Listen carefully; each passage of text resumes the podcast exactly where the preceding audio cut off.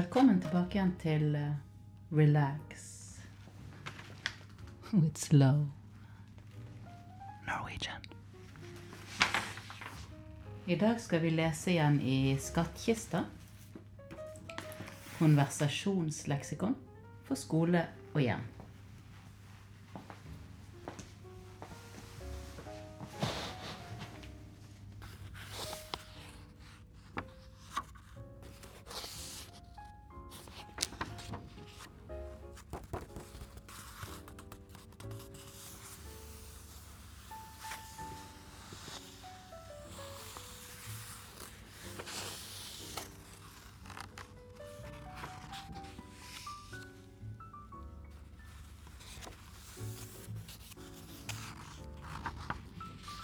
På side ni finner vi eh, Norges største matematiker. Husk da at dette konversasjonsleksikonet er fra 1955.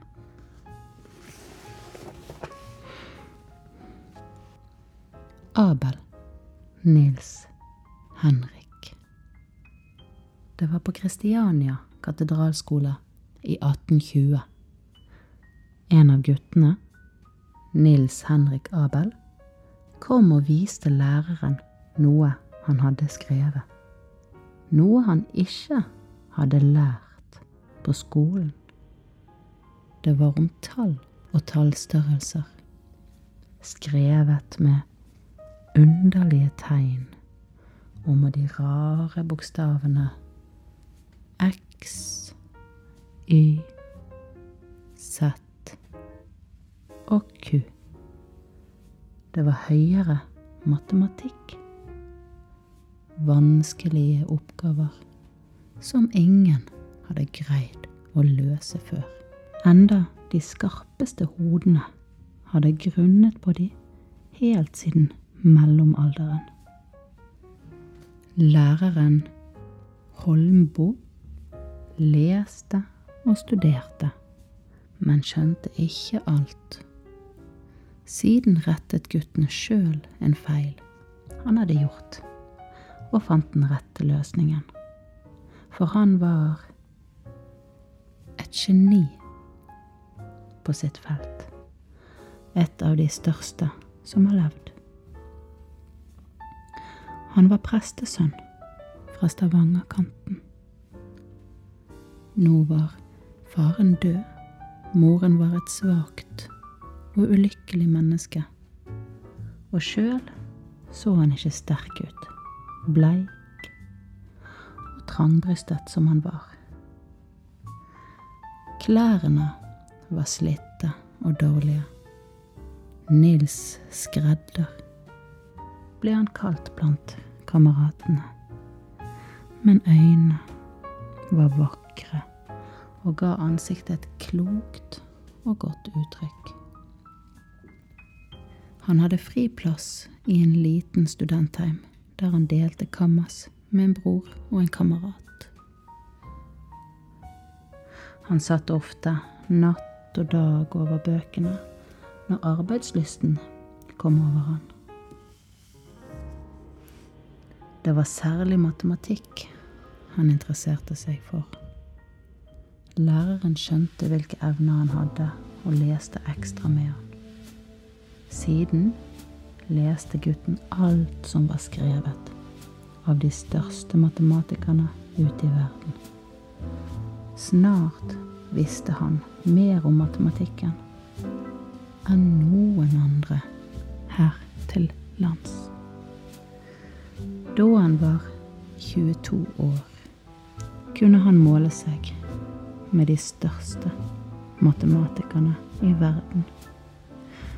Læreren hadde skrevet i klasseprotokollen om han får leve, blir han verdens største matematiker. Og det ble han, sier de som har greie på det. Han fikk et stipendium av staten, og så dro han ut i verden for å lære mer. Han var i Tyskland, Sveits, Italia og Frankrike. I Paris skrev han det storverket som er blitt kalt det abelske addisjonsteorien.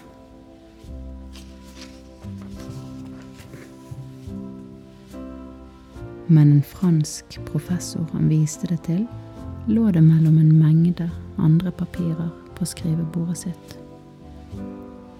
Der ble det liggende ulest. Først mange år etter at Abel var død, ble det funnet fram igjen.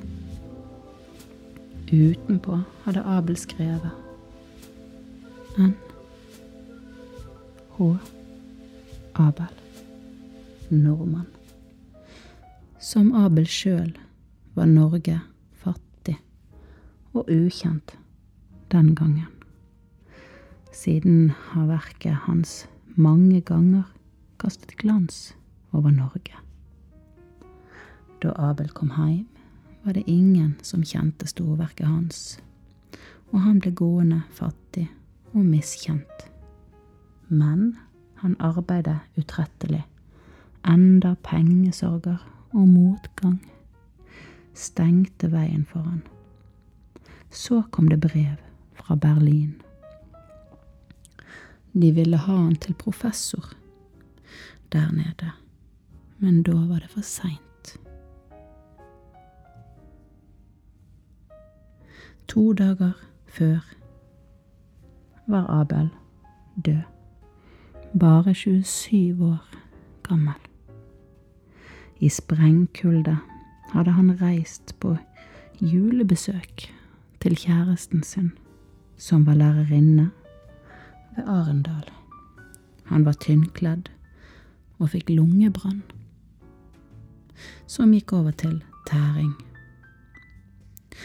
Han brukte de siste kreftene sine til å skrive ned addisjonsteoremet som var kommet bort i Paris. Det var den 6. januar, en dato mer minneverdig enn datoene for konger, keisere og land hvor ingen har nådd høyere i tankenes verden siden, sier en matematiker.